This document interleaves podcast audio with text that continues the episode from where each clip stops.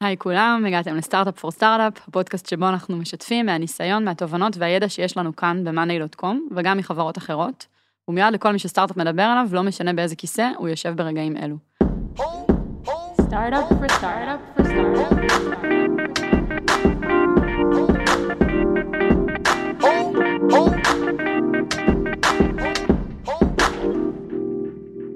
לפני שנצלול לנושא של היום, נזכיר לכם שיש לנו קבוצת פייסבוק שנקראת Startup for Startup, באופן מפתיע. אה, שם תוכלו למצוא אותנו ואת האורחים שלנו, ונשמח אה, לפגוש אתכם. אז היום נדבר על BizOps, business operations, שזה מערך יחסית חדש ב-Monday, שקם אה, במטרה לתמוך ב-customer facing גילדה שלנו, אה, שהיא בעצם מורכבת מה sales, מה-customer success, אה, והגוף הזה בא להנגיש ידע, אה, תהליכים, להטמיע כלים, אה, ולבסס עבודה עם יעדים ואסטרטגיה, ובעצם לגרום לכל הדבר הזה להיות הרבה יותר אפקטיבי. אז נספר לכם בעצם על האתגרים שהובילו להקמה של הצוות החדש הזה, על הפעולות הראשונות שנעשו, על הצלחות מיידיות ועל אזורים שהם מורכבים יותר כמו כל דבר. ולטובת העניין הצטרפו אליי היום יוני אושרוב, שהוא Head of Sales ב-Monday. היי. וזכור לנו מפרק מאוד מוקדם על הסיילס, תכף נסגור לכם ככה את הפער, עברה שנה מאז הפרק ההוא. ואורן אקרון. אקרון, מה זה אקרון? אז נגיד את זה שוב. ואורן אקרון, שהוא עד הביזופס. אהלן, מה נשמע? מה קורה? נהדר. אספר לכולם שזה אולי הפרק שניסינו להקליט הכי הרבה פעמים בהיסטוריה של הפודקאסט. אני אמרתי לך, גם תעיר אותי בשלוש בלילה, אני יכול להקליט את הפרק. אז אני מבקש. זה נכון, הגענו למצב שכל פעם ששואל את אורן אם הוא יכול, הוא אומר, אני יכול תמיד, את ויוני תיסגרו. ופעם אחת תכננת עלינו טילים, שזה היה בכוונה. וואי וואי, נכון, רק פעם אחת היה פה פורס מז'ור, שאר הפעמים זה היה ביני לבין יוני 50-50. אז הנה אנחנו כאן סוף סוף, והאמת שכל עקבה היא תמיד לטובה בפודקאסט, אני בטוחה שתספר להם דברים שלפני חודשיים לא ידעת להגיד אותם. בנימה אופטימית זו. יוני, רגע, באמת עשינו פרק לפני שנה, ובאותה תקופה רק התחלנו את ה sales, ופשוט אשלח את כולם להקשיב לפרק הזה, אבל איפה אנחנו היום? בואו נעשה שנייה איזשהו recap על מה ה sales ב Monday היום. Fast forward משנה שעברה, אנחנו סוגרים את דצמבר בגדילה של פי 6 ממה שסגרנו את דצמבר שנה שעברה, שזה די, די מדהים, בנינו פה קבוצה שנהייתה מאוד מאוד משמעותית בחברה, ואני יכול להתחבר ל... לקחת את זה מאיפה שהיינו לפני שנה ולחבר את זה ל business operations, אז בעצם לפני שנה החלטנו לעשות shift מאוד משמעותי בצורה שאנחנו עושים sales למכירה שהיא הרבה יותר אסטרטגית במטרה לסגור עסקאות יותר, יותר גדולות ו... משמעותיות.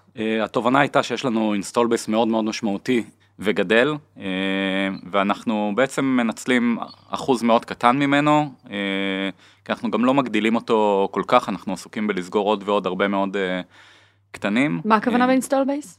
install base בכמות הלקוחות הנוכחיים שקיימים אצלנו. והחלטנו לעשות שינוי שהיה מאוד משמעותי, חלקו היה גם להתחיל לסגור עסקאות שלא נסגרות מעצמם, אפשר להגיד. והדבר הזה כלל הרבה מאוד שינויים בבגרות של הצוות, בתפקידים נוספים שהיינו צריכים לייצר, בהסתכלות שלנו על, על דאטה וה-KPI ששמנו מולנו, ו... והמון המון תהליכים חדשים שהיינו צריכים לייצר, כי ככל שיש יותר תפקידים, התהליכים מתחילים להיות מורכבים יותר. תן דוגמה ככה לאיזשהו תפקיד יחסית טריוויאלי בסיסי שהבנת. אז, סבבה, אז התחלנו מזה שכל איש מכירות הוא... all around player כזה, הוא אה, מקבל את, את כל הלידים, הם קיבלו מלא לידים ביום, אה, הוא עושה לזה את הפילטור של, ה, של הלידים, הוא סוגר את החשבונות, אחרי זה הוא גם שומר אותם, הוא עושה חלק מה-customer success להם, שלהם, הוא גם אה, מגדיל אחרי זה את, ה, את החשבון, אה, ובעצם עושה הכל, שזה נפלא, רק באיזשהו שלב אנשים היו צריכים להתחיל להתמקצע, ושם החלטנו להתחיל להפריד את זה. ליותר תפקידים, ובנינו צוות של SDR, והבאנו אנשי BDR, אז עם SDR מקבלים את ה-incoming leads, ועוזרים לנו לברור מהם את הלידים הכי נכונים. ה-BDR הוא יותר uh, Outreach או Outbound, הוא לוקח לקוחות קיימים ומנסה למצוא שם אנשים רלוונטיים לדבר איתם ומביא אותם כלידים חזרה לתוך הארגון, חדשות, כהזדמנויות כן. חדשות. מחודשות. Uh, והבנו שגם זה התמקצעות, וקיבלנו החלטה להפריד בין אנשים שסוגרים את העסקה הראשונית לבין כאלה שמנהלים לקוח ומלווים אותו ו... ומגדילים, uh, והאחריות שלהם בעצם היא דולרית, היא growth. והוספנו את תפקיד ה-CSM, ה-Customer Success Manager, שהתפקיד שלו בעצם הוא לתת value ללקוח ו-retension, הוא לא דואג לגבי כסף, הוא ממש דואג רק לאיך הוא עוזר ללקוחות לקבל value מהמוצר, וככל שהוספנו את התפקידים, העסק הלך ונהיה יותר מורכב, אה, ואז הגיע אורן, אה, לעזור לנו לעשות סדר בדברים. Then אורן came. אז מה, אוקיי, אז יוני סיפר את הסיפור רקע, מה, איפה אתה נכנס בתוכו? אוקיי, אז אני נכנס, אפשר להגיד, בתקופה, איך שאני רואה זה, ברגע שהגעתי למאנדה, אפשר להגיד... מתי זה היה?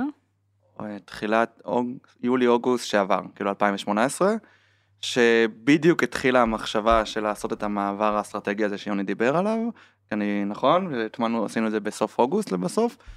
ושאפשר להגיד שיש איזה סוג של קצת כאוס, לא אמיתי, אבל כאוס אה, מבחינת יחסי. אופרציה. יחסי. לא, איך, בתור איש operation, אני אומר כאוס מבחינת operation. אה, שאתה רואה שבן אדם אחד עושה באמת חמישה תפקידים, אתה רואה שאתה בתור איש operation כל הזמן שואל איפה ה funnel, ואתה אומר, אין פה funnel, יש קבוצות שעובדות בנפרד ולא מחוברות אחת לשנייה. מה הכוונה ב funnel? שבסוף sales זה לא sales בפני עצמו, sales מחובר ל... למי שמוביל את הלידים, שזה ה marketing, ומחובר ל... לאנשים שנותנים support, שזה ה-CS, ולאנשים שנותנים אה, אה, שירותי סקסס, שזה גם הקבוצה של ה-CS, והם כולם לא מדברים אחד עם השני.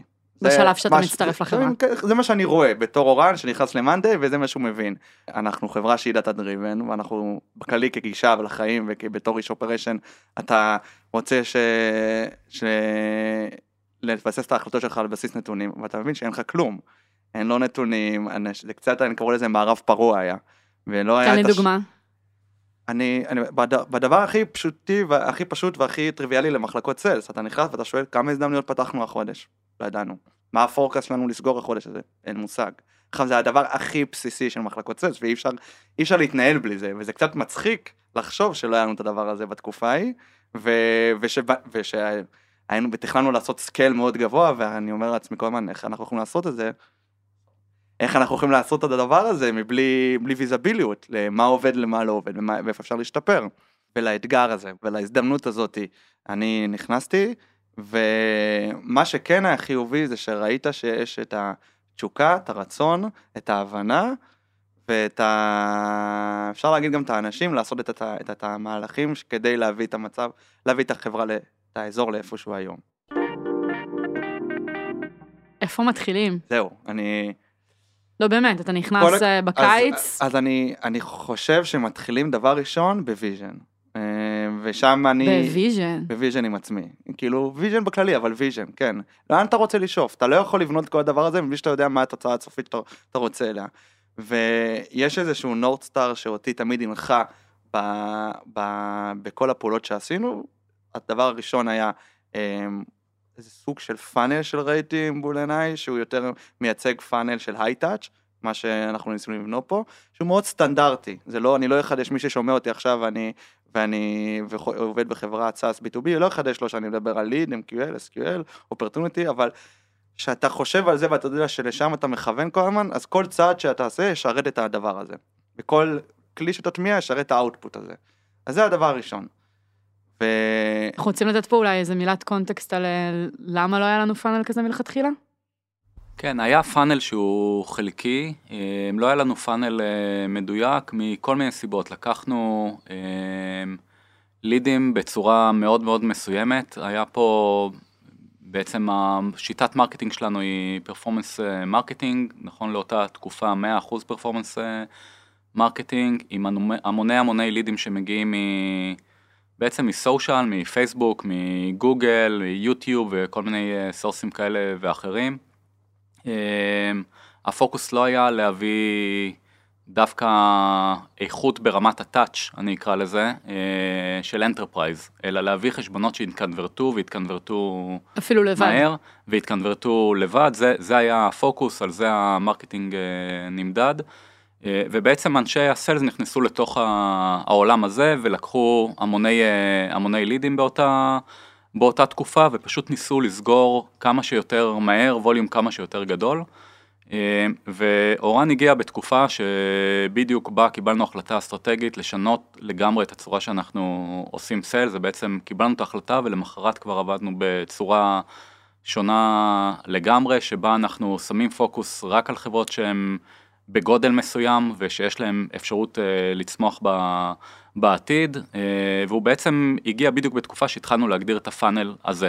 אז לפני זה היה פאנל שהתאים למה שעשינו עד אותו יום, זה פאנל אה, מאוד מאוד שונה, הרבה יותר טרנזקשיונל מהעולם שאנחנו נמצאים בו היום, ובעצם אורן הגיע ל- לשיא של אנחנו שוברים את כל מה שעשינו, בונים מחדש, ואורן בוא תעזור לנו לבנות את זה בצורה נכונה.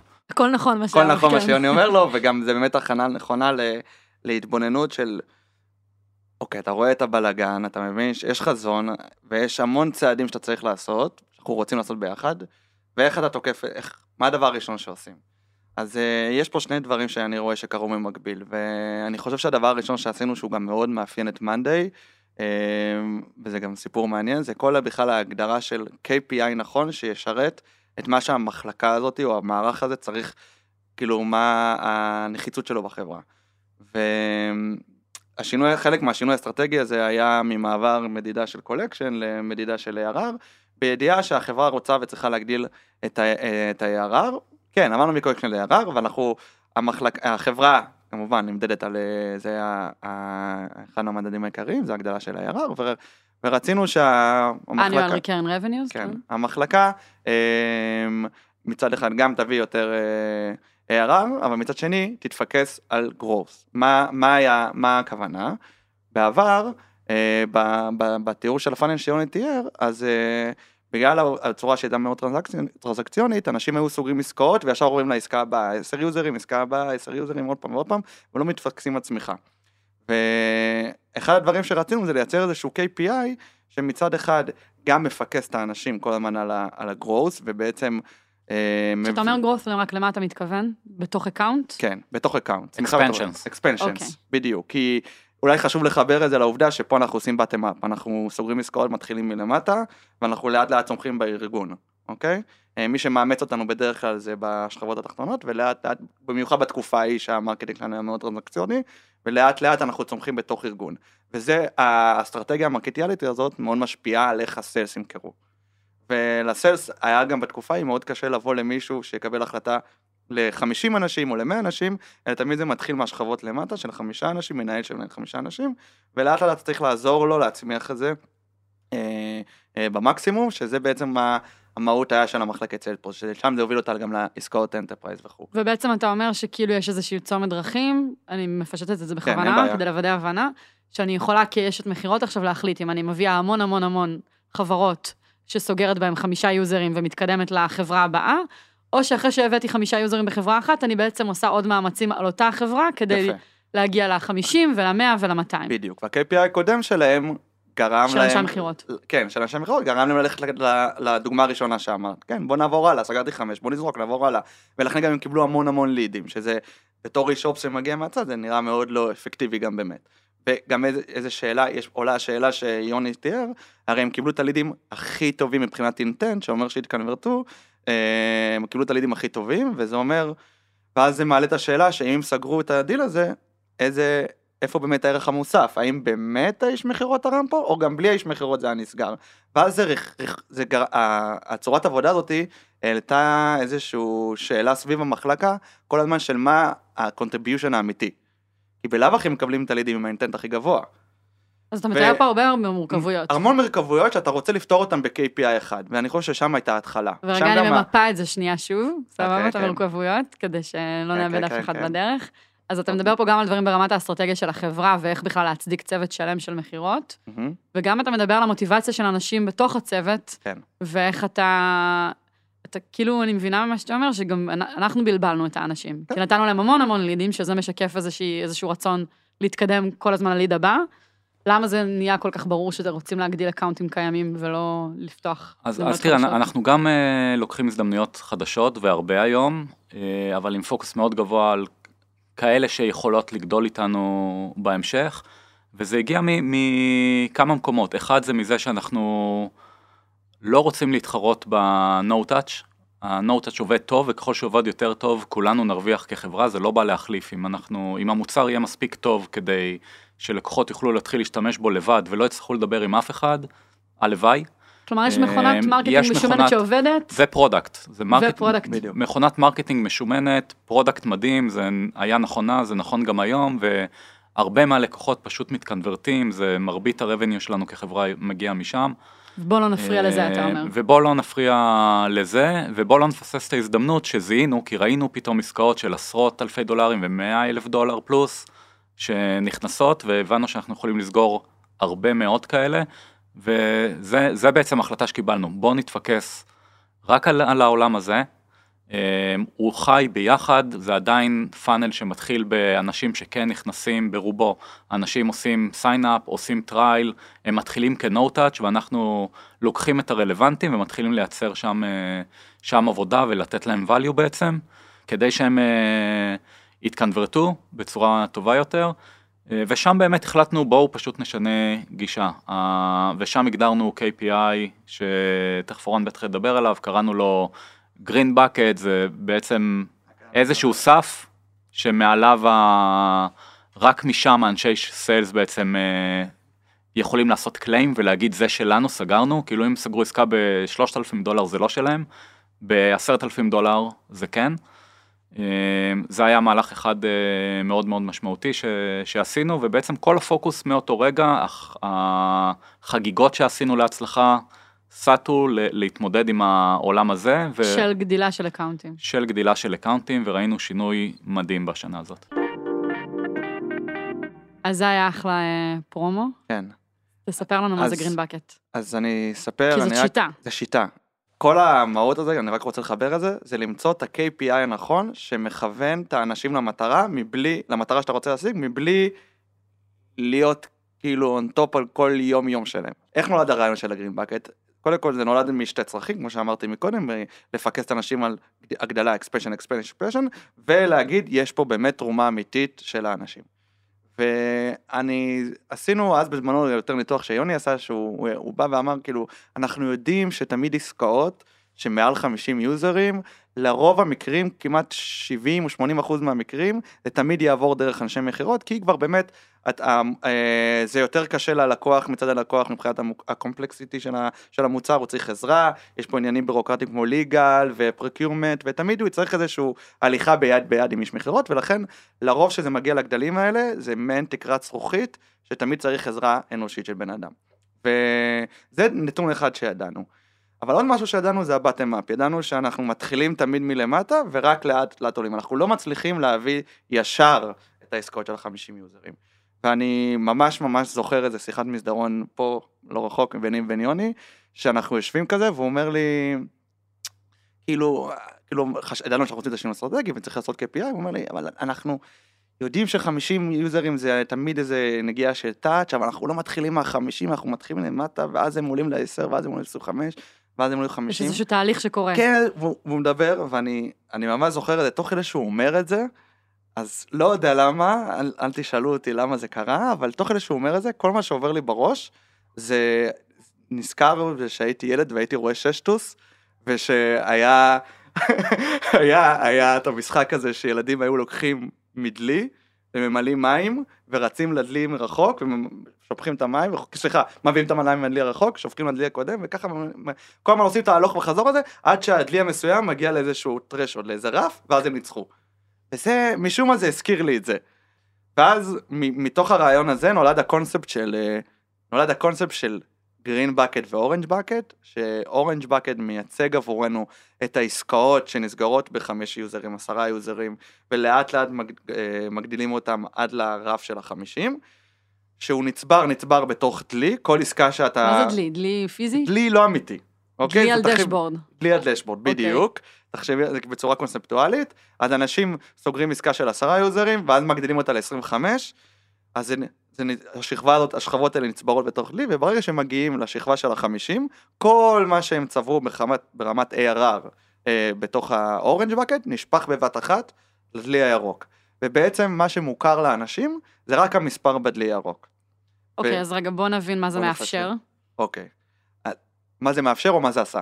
מה זה עשה, מה זה מאפשר, למה זה טוב. הדבר הזה, לדעתי, איך שאני רואה את זה, הוא עשה פלאים. אנשים לא רואים את העיניים שלך נוצצות כשאתה מדבר על ה green כן. bucket, אז תסביר רגע למה הוא אתה עשה מתרגש. פלאים במחלקה משתי, משתי סיבות. אחד, זה פיקס נורא את האנשים להמשיך להגדיל את ה accountים, כי בסוף אומרים להם, אה, סבבה, סגרתם עסקה של עשרה users, סבבה, זה נחמד. היא לא נספרת לכם, אבל אתה גם לא לא... נספרת, אז אם בעבר הוא היה הולך וישר סוגר עוד עשרה users, עכשיו הוא אומר, לא, לא, הוא משקיע יותר מאמץ להגדיל את העשרה ל-25 ואת ה-25 ל-50.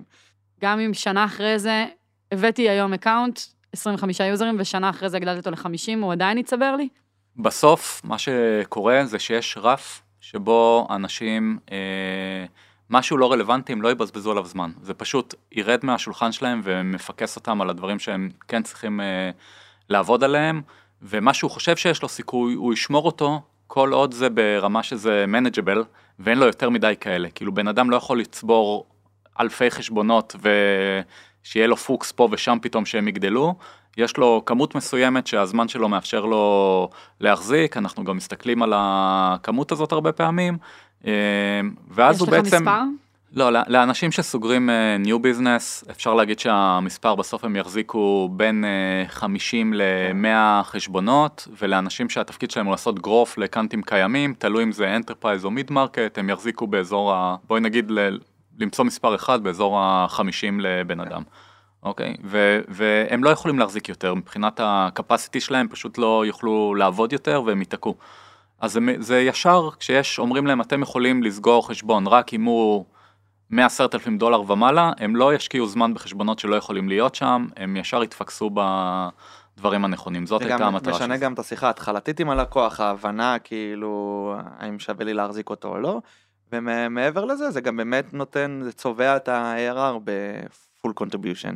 אנחנו יכולים לבוא ולהסתכל על המספר הזה בגרין בקט, ולהגיד, אה, פה הייתה 100% תרומה של הטאץ' ל-ARR של החברה.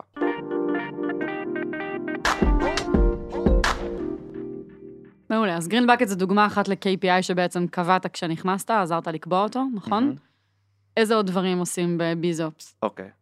אז אני מוביל אותנו ב journey שעברנו. אז, אה, אז היה את ה... התחלנו עם ה-KPI, היה את ה... זה פחות biz ops, יותר עבודה גם עם דמיוני, זה את כל העניין של החלוקה של הצוות ל mid market ו enterprise, שזה פשוט... זה, זה תהליך מכירה שהוא, שהוא שונה, והבנו שצריך להתנהל איתו כן. אחרת, גם ברמת האנשים אה, בתוך הצוות וגם התהליכים שלהם הם, אה, הם שונים, יש תהליכי מכירה אחרים שקור- שלא קורים עם אה, IBM וסיסקו, שלא קורים עם בדיוק. חברות של אה, 200 ו-300 איש. ו... ועוד דבר קטן שה green bucket הביא אותנו לחשוב בהמשך למה שיוני דיבר עליו בהתחלה זה שאנחנו סבבה פיצלנו את זה לשני mid market ו enterprise אבל עכשיו צריך לפצל גם בתוך ה vertical עצמו ל set skills אחרים אז יש לנו את האקאונט אקזקיוטים שתפקידם להביא את ה... לסגור new business ולהביא את הלקוח את הלקוח כן ל green bucket אפשר להגיד. ואחרי זה יש hand over ל account managers שהוא גם איש sales אבל תפקידו להגדיל את ה account עד המקסימום ולהיות החבר של הלקוח. ועם ה, שתי הדברים האלה עם ה-KPI והחלוקה מחדש של הצוות אה, אה, יצאנו לעבודה יצאנו להתחיל לעבוד. והשאלה הבאה שהייתה ברמת האופרשן אוקיי יש לי KPI יש לי ורטיקלים וצוותים עכשיו איך אני מאכיל אותם. במרכאות, במה אני מאכיל אותם, באיזה לידים אני מעביר להם. היינו יודעים שעד היום הם היו מקבלים כמויות עצומות של לידים, שכמו שדיברנו שהם עם אינטנט גבוה, ואז אה, למעשה זה לאו דווקא אומר שיש איזו תרומה של גדילה ללקוח. אחד הצעדים הראשונים שעשינו זה להוריד את ה intent מהשולחן, אמרנו intent הוא מדד מאוד touchy, הוא בעצם אומר לנו אה, האם לקוח יבוא, אם account יהפוך להיות משלם או לא, ובעצם זה לא, אין לי שום הבדל בין מישהו שהוא בא לקנות חמש users basic לבין מישהו שפוטנציאלית יכול לקנות עוד שלושה חודשים. כן, אה, רגע צריך להסביר שנייה מה זה intent. אז אוקיי. יש לנו בתוך monday פרדיקציה, אה, שבעצם כל ליד שנכנס, אנחנו אוספים, אה, משקללים כל מיני נתונים עליו, ונותנים לו איזושהי, אה, בעצם אומרים לעצמנו באיזה סבירות הוא יהפוך להיות לקוח משלם, כן. נכון? ומה שאתה בעצם אומר זה שה intent מתייחס, הוא דיכוטומי, הוא כן או לא, הוא כן או הוא לא, כן או לא יתקנברט, הוא לא אומר לי האם ה account הזה יתקנברט להרבה מאוד יוזרים, הוא או לא- לחמישה הוא לא- יוזרים. הוא לא מראה מה שאני אוהב להגיד שהוא נורא רלוונטי ל touch, הוא לא מראה לי פוטנציאל צמיחה. מעולה. ששוב רגע, רק כדי, כי אנחנו באותו, באותו סיפור כל הזמן, זה עוד שלב של פרידה ממונחים שמאוד מאוד משרתים את ה marketing ופחות מהמם. רלוונטיים ל sales. נכון? אז אתה אומר, מה אני מחליף, במה אני מחליף את ה intent של ה marketing שעובד נפלא שם, וטוב שיש לנו אותו, איזה, מה אני מאמץ עבור ה sales. אפשר, נכון, אמר, אבל אולי יש משהו ששכחתי להגיד, שמה האתגר בכלל שאנחנו מתמודדים מולו, האתגר הוא שהיה לנו באותה תקופה 7,000-8,000 סיינאפים ביום, לתוך ה... ש sign-up הוא ליד מבחינתך ב... הוא ליד מבחינתי, ויהיה לנו 10-20 אנשים פה בסיילס, אני לא יכול להעביר לכולם 8,000, זה לא נכון. ואתה לא יודעת מה... מ- לה- איך אני מוצא מתוך ה-8,000 בזכוכית מגדלת ובפינצטה, אני מוצא את האלה שהם הכי את רלוונטיים, ה-800 את הרלוונטיים. הכי רלוונטיים, כן, לאנשי מכירות. אוקיי. ופה האתגר. ואז הדבר הראשון שידענו זה שאנחנו צריכים להיפרד מהאינטנט, כי הוא עבורי מייצג אה, משהו מאוד מאוד עשי, ואנחנו צריכים לייצר איזשהו מנגנון של ניקוד, lead scoring, שהוא מבוסס על צמיחה. הוא מראה פוטנציאל צמיחה. אני רוצה לזהות, כמו שה intent יודע לזהות, תוך 24 שעות אם ישלם, אנחנו רוצים מהר מאוד לזהות האם יש פה פוטנציאל צמיחה, כדי להעביר לאיש מכירות, שבסוף בסוף יצטרך להגדיל אותו ולסגור את הלקוח ל green bucket. ו... ואז נתמודדנו מול עוד אתגר, לא היה לנו שום מידע, לא היה לנו כלום. היה סיינאפים, שאלו אותם כמה, כמה דברים ב... בתהליך ה sign-up. ה sign-up. לא היה לנו שום מידע, לא ידענו מי הבן אדם, לא ידענו באיזה חברה הוא, לא ידענו מה גודל החברה, ידענו בקטנה, אבל לא בצורה מאוד מושלמת, ו... וחוץ מפעולות אקטיביות שעושה במוצר, מה שאנחנו קוראים לו פה engagement, לא היה לנו שום מידע אחר. והמידע הזה היה נחוץ לנו לא רק בשביל לקבוע את ה lead scoring, גם בכלל לפלטר מתוך כל השבעת אלפים האלה שנרשמו כל יום, את מי אני מעביר קדימה לסס. כמו שיוני יוני אמר מקודם, היה לנו, אה, היה לנו החלטות מאוד שחור ולבן, מה רלוונטי עבור מחלקת מכירות ומה לא. זה דוגמה, מה רלוונטי קבענו, זה מדינות מסוימות, יש לנו איזה רשימה של 28 מדינות שבהן אנחנו מחליטים שהסלס יפעלו, ושאר המדינות זה במידה ויש לנו פרטנרים מפערי תרבות וכאלה, אז יש לנו פרטנר מקומי, ורצינו להתעסק רק עם חברות מגודל 100 פלוס, בשביל שיהיה איזושהי הצדקה לעובדה שצריך להעביר account ולהגדיל אותו ולהגדיל אותו. אז האתגר שלנו היה שלא היה לנו שום מידע, אה, אז היה לה, להביא חברה שעוזרת לנו בהשלמת מידע, ב data enrichment, ובעצם משלימה לנו תמונה מלאה על כל sign-up, מרמת גודל החברה והתפקיד של הבן אדם וקאנטרי וכולי וכולי וכולי. ואיך זה קשור ל lead scoring שציינת כי קודם כל היה לי, היה לנו אה, תשתית של מידע שעוזרת לי לקבל החלטות. דבר ראשון, זה עוזר לנו לדעת לפלטר מה לא טוב. אז מתוך השבעת אלפים האלה יכלנו להצטמצם ל-700 רלוונטיים, כי אנחנו חותכים את כל אלה שהם לא מ geo ולא מגודל החברה. ועכשיו אנחנו צריכים לייצר מתוך ה-700 האלה, לחלק את הכי טובים. וכדי לחלק את הכי טובים, אתה מייצר lead scoring, שעליו אתה עושה, שהוא עוזר לפריורטיזציה. אוקיי, ומה זה ה lead scoring הזה? אז ה lead scoring אנחנו החלטנו, ל... הוא בעצם הוא אמור, הוא מדד שאמור לזהות את הפוטנציאל צמיחה, ובנינו אותו בצורה ש-50% הוא מייצג מידע firmographic, הכוונה זה מידע שהוא לא משתנה, כמו מאיזה מדינה אתה, מה גודל החברה שלך, ומה התפקיד, מידע שתמיד נשאר אה, סטטי, ו-50% מידע אה, על ה engagement, על ה engagement שלך עם המוצר, עם הפלטפורמה. בגלל שאנשים שנרשמים דרך trial, הם לא ביקשו לדבר עם בן אדם, ל engagement יש משקל מאוד חשוב. יוני, עד השלב הזה אורן מתאר כבר סדרה של ארבעה שינויים מאוד גדולים שקרו בצוות. וכל זה קורה, כאילו, בעודך מדבר, אורן, אני מבינה שכל זה קורה כשיש אנשי מכירות שמוכרים, הרבה מהם כבר היו פה לפני השינויים האלה. איך מסנכרנים אנשים ביום-יום? האם יש פושבקים? אתה יודע, זה לא קורה בוואקום, אתה לא מוריד גרסה, מעלה גרסה וכולם פשוט אה, מתיישרים, או שכן? אמ, אני חושב שיש כמה דברים שמאוד עובדים לטובתנו בשינוי הזה, וזה קשור מאוד לתרבות הארגונית. אחד, אנחנו משתפים את כולם בכל מה שאנחנו עושים, זה לא איזושהי החלטה שאנחנו מורידים מלמעלה למטה וזהו, זה ההחלטה, אנחנו מתייעצים הרבה מאוד עם האנשים, אה, הם מבינים לאן אנחנו הולכים, הם, חלק מתהליך בעצם ש, שקורה, אז זה הרבה מגיע משיתוף איתם. הדבר השני זה הצורה שבה אנחנו מעודדים את האנשים בעצם. אה, אנחנו במודל אה, ללא commission, זה אולי אה, נושא לפרק נפרד, אבל האנשי מכירות פה לא מתוגמלים עם, עם commission, הם מקבלים שכר כמו שמקבל מפתח וכמו שמקבל מישהו ב... ב marketing, והדבר וזה, הזה... הרלוונטיות של זה היא שבעצם... כן, הדבר הזה מאפשר אה, אה, גמישות ב, בלעשות שינויים. הם יודעים שזה לא שינויים שנעשים בשביל אה, לפגוע בהם, זה שינויים שהם נכונים אסטרטגית לחברה. אה, ויש להם אוויר לנשימה ו... כי אין להם קומישן אה, שהם צריכים להשיג בסוף החודש כדי לפרנס משפחה. נכון, וזה לא יפגע להם ב... בשכר שלהם, הם אה, עדיין עובדים קשה ומתוגמלים יפה בשביל זה, ואנחנו כולנו לאותה מטרה, שזה לעזור לחברה להצליח. כן, אבל זאת ברז... זה, זה, מה שאתה אומר עכשיו זה ברזולוציה מאוד גבוהה. אני שוב מנסה ככה להיכנס לנעליים של אשת מכירות באותה תקופה בחברה, ואני אומרת, רגע, כבר יש מתודות שאני רגילה לעבוד איתן. כבר יש לי שיטות שמצליחות לי, אני כבר יודעת באיזה אזורים אני טובה, פתאום אתה בא ומשנה לי, שם לי חץ חדש. את מתמקדת עכשיו בלקוחות מסוג אחר, יש לך כלים חדשים. כן, אז היו, אז תראי, בסוף אה, זה לא תמיד קל, בסדר? אה, זה לא תמיד קל, אבל אני חושב שרוב האנשים, או כמעט כולם אפילו, קיבלו את זה במלא, במלא הבנה. אה, עוד פעם, כי הם מחוברים למה אנחנו מנסים להשיג אה, כחברה, אה, השינוי לא היה קל לכולם, היו כאלה שהחלטנו בהחלטה הדדית אה, להיפרד, כי אה, לא הצלחנו עם כולם לייצר את השינוי הזה, זה היה תהליך כואב בחלקו, אבל אני חושב שבסך הכל אני מסתכל על זה ככה בשנה, מעל שנה ש, שעברה, אני חושב שזה היה תהליך מדהים שעשה שינוי מדהים ביכולת שלנו להשיג אה, תוצאות הרבה הרבה יותר משמעותיות ולעשות אימפקט הרבה יותר משמעותי גם בשביל החברה, ואצל רוב האנשים זה עבר אה, חלק.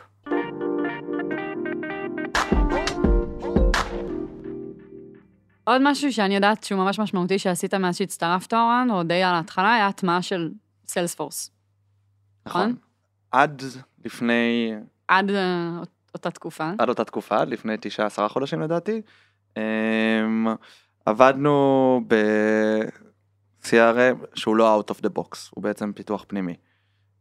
זה היה מאתגר מאוד ברמת השינויים שרצינו לעשות. ידעתי שאנחנו, שאנחנו ידענו שאנחנו רוצים לעשות הרבה שינויים בעקבות התהליך השינוי האסטרטגי הזה, ואנחנו רוצים לקלוט אלינו המון פונקציות חדשות, או לייצר אותן.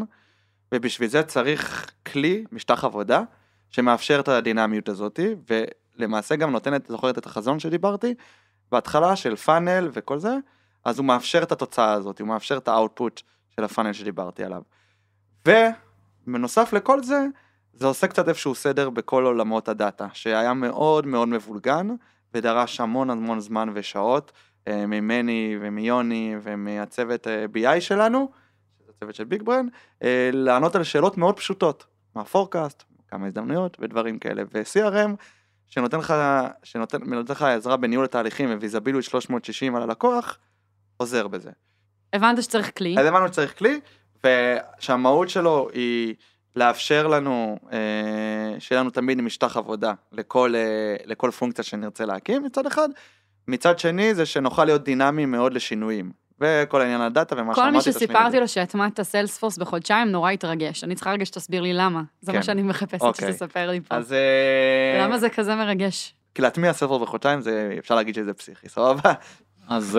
יוני, למה זה ריגש אותך שאורן הצליח להכניס Salesforce תוך חודשיים? כן, אז אורן הסביר למה רצינו כלי מכל הסיבות, אה, ואז כששאלתי כמה זמן זה הטמעה של סיילספורס, אמרו לי חצי שנה, אז uh, הייתה לנו שיחה ואמרתי לו מעולה אז בוא נעשה את זה בחודש וחצי או משהו כזה. הוא אמר זה בלתי אפשרי, uh, רק אחרי זה הוא ממש לקח את המשימה הזאת והפך uh, את זה למשימת חייו, ממש ככה, והראה לנו כארגון, גם לא היה לנו זמן, הבנו שאנחנו צריכים לייצר את השינוי מאוד מאוד מהר, בשביל שנוכל לעמוד ב, ביעדים ובגמישות ובמידע שאנחנו צריכים לקבל החלטות, ובאמת הוא עשה את זה ב... בחודשיים, אה, לבד, הייתי אומר, עם, עם אה, עזרה של אה, אאוטסורסרית שהוא הביא, וכל הפיתוח עם הרבה עזרה מביג בריין, שקפצו פה לעזור, בעצם הצליח לחבר את כל הארגון, לייצר את ה... את השינוי הזה ועשינו אני חושב את הכל פנימית אורן בחברה כן. אה, נכון זה, זה בלי אז זה כן משהו שחשוב לי להגיד זה שאני אגיד לך מה קשה ב... למה באמת זה מטורף כי יש פה שלושה דברים גדולים שצריך לעבור יש פה את שלב הדיזיין אתה צריך ממש לתכנן ולעצב איך ייראה ה-CRM. עכשיו CRM זה לא איזה גיליון בגוגל שיט, זה וואחד תוכנה שצריך לחשוב על כל דבר משפיע על השני ואיזה אובייקטים ואיזה דאטה אתה אוסף ומה נראה UI כלפי ל user ויש אלף אחת נקודות שצריך לחשוב עליהן ובסוף זה גם database, צריך לחשוב איך אתה ממדד ה database שיעזור לך כל הזמן לשלוף נתונים החוצה. אז היה את שלב ה design כל הזמן. האתגר השני זה שלב המיגרציה, אתה רוצה להעביר את האנשים לעבוד על Salesforce, היה פה כבר 30-40, שצברו מידע של שנתיים על הלקוחות שלהם ב-CRM הפנימי שהיה לנו, ואתה רוצה להעביר את הכל ל Salesforce, כאילו מאז ומתמיד הם היו שם. בלי לפגוע להם בשום בלי תהליך. בלי לפגוע להם בשום תהליך ובלי, ולהגיד שביום שהם עוברים, הם כאילו ממשיכים מאותה נקודה שהם היו. והם יודעים לעבוד עם הכלי החדש. רגע, וזה האתגר השלישי, זה ה onboarding, איך אתה מכשיר את כל האנשים לעבוד אה, על הכלי שאו שהם אף פעם לא ראו, או שהם ראו אותו אבל זה היה לפני שנתיים שלוש, והוא שונה לגמרי ממה שהיום הם מכירים, ממה שהם הכירו אז. וכל הדבר הזה הוא מאוד... כל זה קרה בחודשיים? כל זה קרה בחודשיים. אני ממש זוכר שב-17 לדצמבר עשינו ישיבת kick-off. אפשר לסיים את הפרק, אני הבנתי למה זה מרגש. אה, כן, אני, אני, אני לא אוהב להגיד את לא רוצה להרים את עצמי, אבל אני זוכר שממש באו לפה אנחנו כבר בשלב ה trial, פתחנו trial ב Salesforce, ושבועיים אחרי זה כבר היה אינטגרציה כתובה. אני חייב פה לציין לטובה את BigBrain, שזה כאילו לא הייתי יכול לעשות את זה בלע, בלעדיהם. ו Salesforce שהם ראו את זה, או הפרטנר שבא לפה, אמרו לי זה מטורף, לא ראינו דבר כזה אף פעם. אמ, ואני גם, לא יודע, מבחינתי הייתי בתוך העשייה, הכל היה נראה לי נורא לגיטימי, זה היה רצים, רצים, כאילו, זה היה מאוד ברור.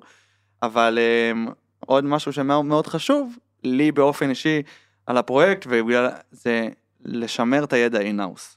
Uh, המון חברות שהן הולכות לצד כזה, הן מוציאות אותו החוצה, מביאות איזה קונסלטנט חיצוני, או איזה שותף חיצוני שעוזר להם להטמיע, וזה היה כאילו משהו עם עצמי שלא רציתי שיקרה, כי ידעתי שברגע שנהיה תלויים בגורם חיצוני, אז כל צעד ושינוי שנצטרך לעשות, אנחנו נהיה תלויים בו, הוא יצטרך קודם כל ללמוד את הביזנס שלנו, להבין אותו, ורק אחרי זה לעזור לנו בהטמעה.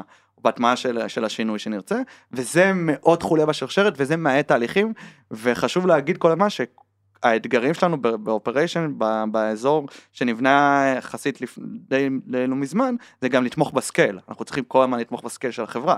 אמ, ואני עקרונית אישי מאוד מאוד חשוב לשמר את הידע in-house ולעשות הכל בפנים, בבית. אה, ואם זה דרש עוד, שו, עוד כמה תקופת למידה של המפתחים שבחיים שלהם לא ראו את הכלי הזה, מבחינתי זה היה שווה את זה ל long term, כי אז אה, כל שינוי שנצטרך לעשות, הם כבר ישר יהיו on top of it ויוכלו לבצע אותו מהר מאוד בהשוואה לגורם חיצוני. אה, וראיתי את הדברים האלה קורים בהרבה חברות ואיך זה מאט אותם. ואני ממש זוכר שב-17 לדצמבר היה לנו את הישיבת קיק אוף, מהר מאוד התחלנו להפעיל, היה לנו שעות... 17 לדצמבר 2018. כן, היה לנו שעות של ישיבות אני ושני הערנים מצוות של ביגברן של ציורים על לוחות, איך זה ייראה, שזה החלק הכי, הכי אהוב עליי, זה לשבת ואשכרה להיסגר בחדר ולצייר ולצייר ולחשוב ולדון. ואז מתחיל שלב הפיתוח, שהוא לקח לנו איזה חודש, ואז כבר בחודש פברואר התחלנו לעלות אה, אחרי הפיתוח, שהוא לקח איזה חודש, והרגשנו ממש בטוחים במה שיש לנו בידיים, עלינו עם אה, כמה אנשי מכירות, שהם מבחינתנו היו הפיילוט. אני ויוני ציפינו ל... שדברים יעבדו פחות טוב וישברו, ופתאום קלטנו שזה, וואלה, זה עובד, ואנשים מתרגלים לזה מהר, ופשוט החלטנו לעשות roll-out מאוד מהיר, תוך uh, שלושה שבועות, לכל הצוות, כולל ישראל, כולל ניו יורק, והאתגר פה ב onboarding זה להעלות אנשים, לדאוג שאלה שהעלית אתמול, הם, הם, הם אה, מבינים מה קורה, לתמוך בהם, ותוך כדי להעלות כל הזמן את האנשים, לעשות להם מיגרציה ל data. יש פה המון אתגרים טכניים והדרכתיים. אה, ותוך שלושה שבועות מהרגע שהחלטנו לעלות, שלושה ארבע, סגרנו את הפינה הזאת גם בישראל וגם בניו יורק, והיינו עם מערכת עומדת באוויר, עם CRM, שפתח לנו עולם חדש של הזדמנויות. Salesforce זו דוגמה לכלי אחד שהטמעת, נכון? נכון. אה, היו עוד, אני מבינה. כן, היו עוד הרבה, הטמענו בדרך עוד אה, כלים כמו Salesloft שעוזרים ל-SDR ים, ו HubSpot שהוא בעיקר lead management ו marketing automation, שהוא מאוד חשוב לחיבור עם ה-CRM, אה, כלים שעוזרים ל-account manager כמו סס נביגייטור. איך מזהים שחסר כלי?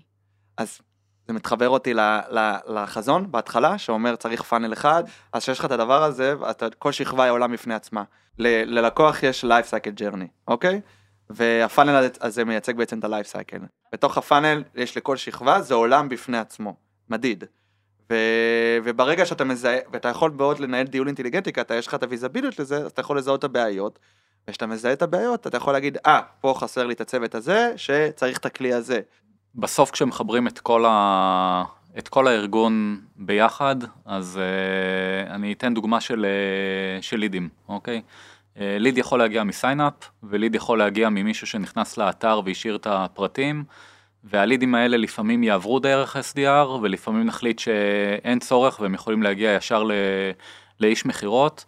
ואני חושב שחלק גדול בעצם מניהול המכירות זה להבין כל הזמן איזה גלגל שיניים חורק ותקוע ולהסתכל על המספרים ולעשות כל הזמן אופטימיזציות שבעצם לא נגמרות. לעשות את זה בלי הכלים הנכונים ובלי המידע זה נחמד, אבל זה לא מוביל לתוצאה שאנחנו רוצים. ושם נכנס, נכנסים הרבה מאוד כלים שמאפשרים לנו לחבר את כל הדאטה בעצם אה, ביחד לפאנל אחד, כמו שאורן אוהב לקרוא לזה.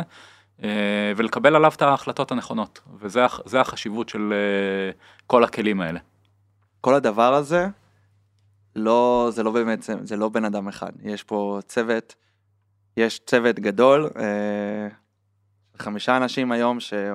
הצוות שלך היום הוא חמישה אנשים. חמישה אנשים, שבזכותם גם כל האופרציה הזאת מתפקדת חלק, ואני בדיוק עכשיו חוזר מניו יורק, ואמרתי להם, זה מטורף לראות שיש לנו שם איזה 70-80 אנשים, בלי שופס אחד והכל מתפקד אה, ואנחנו מרגישים ביטחון שאפשר להמשיך לגייס עוד ועוד וזה המון בזכותם. אמ, ו... איזה פונקציות יש היום בצוות? אז יפה, זה בדיוק הנקודה. בגלל שכל העבודה הזאת חיברה את הכל ל funnel, אז המון מחלקות, כאילו, וזה גם המהות של ה business operation, המון מחלקות מעורבות באופרציה הזאת, מהאזור המרקטינגי יותר, והאזור של הסלס, והקוסטומר סקסס, והפרטנרים, והכל משלים לתמונה אחת, והמון עבודה עם הפיתוח, והצוות growth, וה product.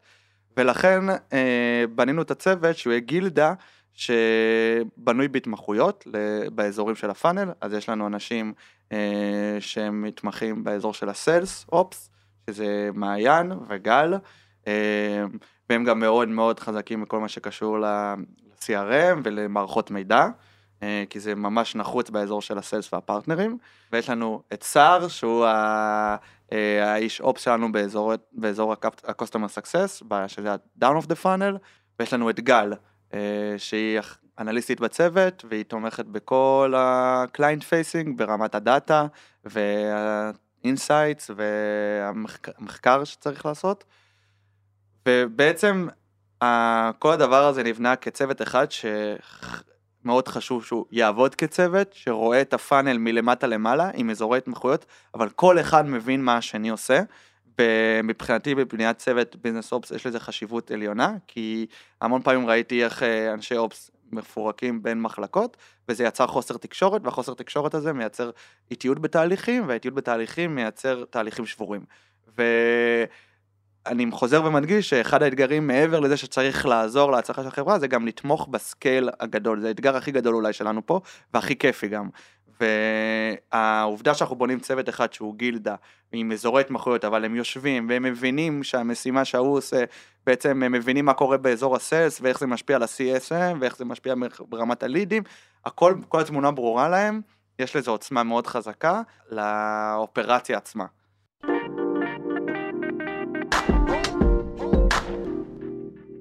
אם מישהו מקשיב לפרק עכשיו ורוצה להקים ויזופס בעצמו, איפה אתה מייעץ לו להתחיל? עצה אחת ככה לתחילת הדרך. אז אני חושב שהדבר הראשון שהייתי ממליץ לעשות, וזה גם באמת מה שעשינו פה, זה קודם כל לא ישר לרוץ לפעולות, אלא קודם כל לנסות להבין עמוק מאוד טוב את ה business, ולמה אנחנו עושים את הדברים כמו שהם נעשים, למפות למפות הכוונה בראש, גם את ה... אם זה ברמת הנתונים, data, את, ה... את הצורה שבה החברה עובדת, מרמת ה marketing עד ה sales, customer success, פיתוח, למפות בראש את כל ההיגיון העסקי מאחורי זה, ולייצר חזון כלשהו שאליו אתה שואף. אה, חזון עם איזשהו vision סופי, ש... ששלי, אצלי הוא היה vision אופרטיבי, איזה funnel ו life cycle, customer journey, מה שאת רוצה, אני אקרא לזה, צריך להיות בסוף. קורות בסוף. זה, לשם כל הזמן אני מכוון את עצמנו. כמה האופרציה מכוונת עצמה, וברגע שזה ה north star שלנו, כל הצעדים האופרטיביים שנעשה יתמכו בסוף בזה. אמ, אז אני... ובשביל לצייר את התמונה הזאת נדרשת להבין לעומק את הארגון. להבין את לעומק ה... את הארגון, את הרציונל ה- את הרציונל העסקי מאחוריו, ואת הדאטה. זה לא פחות חשוב. יוני?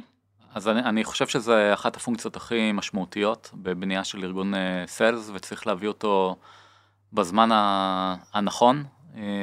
והזמן הנכון הוא, הוא מוקדם, אה, אחרי שיש איזשהו שלד ראשוני שלדעתי כבר אה, חמישה, עשרה אנשים, כבר צריך ביזנס אופריישן שמסתכל הוליסטית על, על כל הדבר הזה ומחבר את זה לתוך כל, ה, לתוך כל החברה. אה, אז זה ברמה של התזמון של זה. אני חושבת, תקן אותי אם אני טועה, אבל אני זוכרת שיחות שלך ושלי שהיה רגע שאמרת, אני מפספס פה את הרכבת, יש לי כל כך הרבה אנשי מכירות, שאני צריך לתמוך בהם עם תהליכים, ו- ו- ואני חייב את הבן אדם הזה כבר, נכון? כאילו... כן, היו לנו, היה, לקח זמן למצוא את הבן אדם הנכון, היו לנו ניסיונות אה, לפני זה. אה, והיו ימים שזה כל מה שרק רצית שיקרה פה. וזה מאוד משמעותי, אה, אצלנו גם היה צורך אה, לחבר את החברה לזה, זה לא היה תהליך קל להכניס בכל מיני אה, דפוסים שהיו פה ב- בחברה, ולקח זמן לשכנע את כולם בתפקיד הזה, אני חושב שהיום התפקיד הזה מסמל אה, דוגמה גם לקבוצות אחרות ב- בחברה, ומבינים את המשמעות ואת האימפקט שלו בכל החברה. אורן, סוף כן. סוף הקלטנו את הפרק, איזה כיף. כן, תודה לך שסוף סוף הקלטת. תודה לך שסוף סוף הקלטת. תודה, יוני. אחלה, תודה, היה כיף. אה, אני בטוחה שאם יש לכם שאלות, אז אורן יותר מישמח אה, לענות בקבוצת פייסבוק שלנו, ויש לו עוד הרבה כן. פעילויות שקשורות ל... נכון, היה לנו לא מזמן meetup ראשון, אה, ו meetup ראשון בארץ של business operation, והתוכנית היא להמשיך עם הפורום הזה בהמשך, גם בעתיד. אה, וכן, אם יש למישהו יש שאלות, בכיף, אני אשמח לעזור תמיד. תודה רבה שהאזנתם. startup for startup for startup. For. Oh, oh.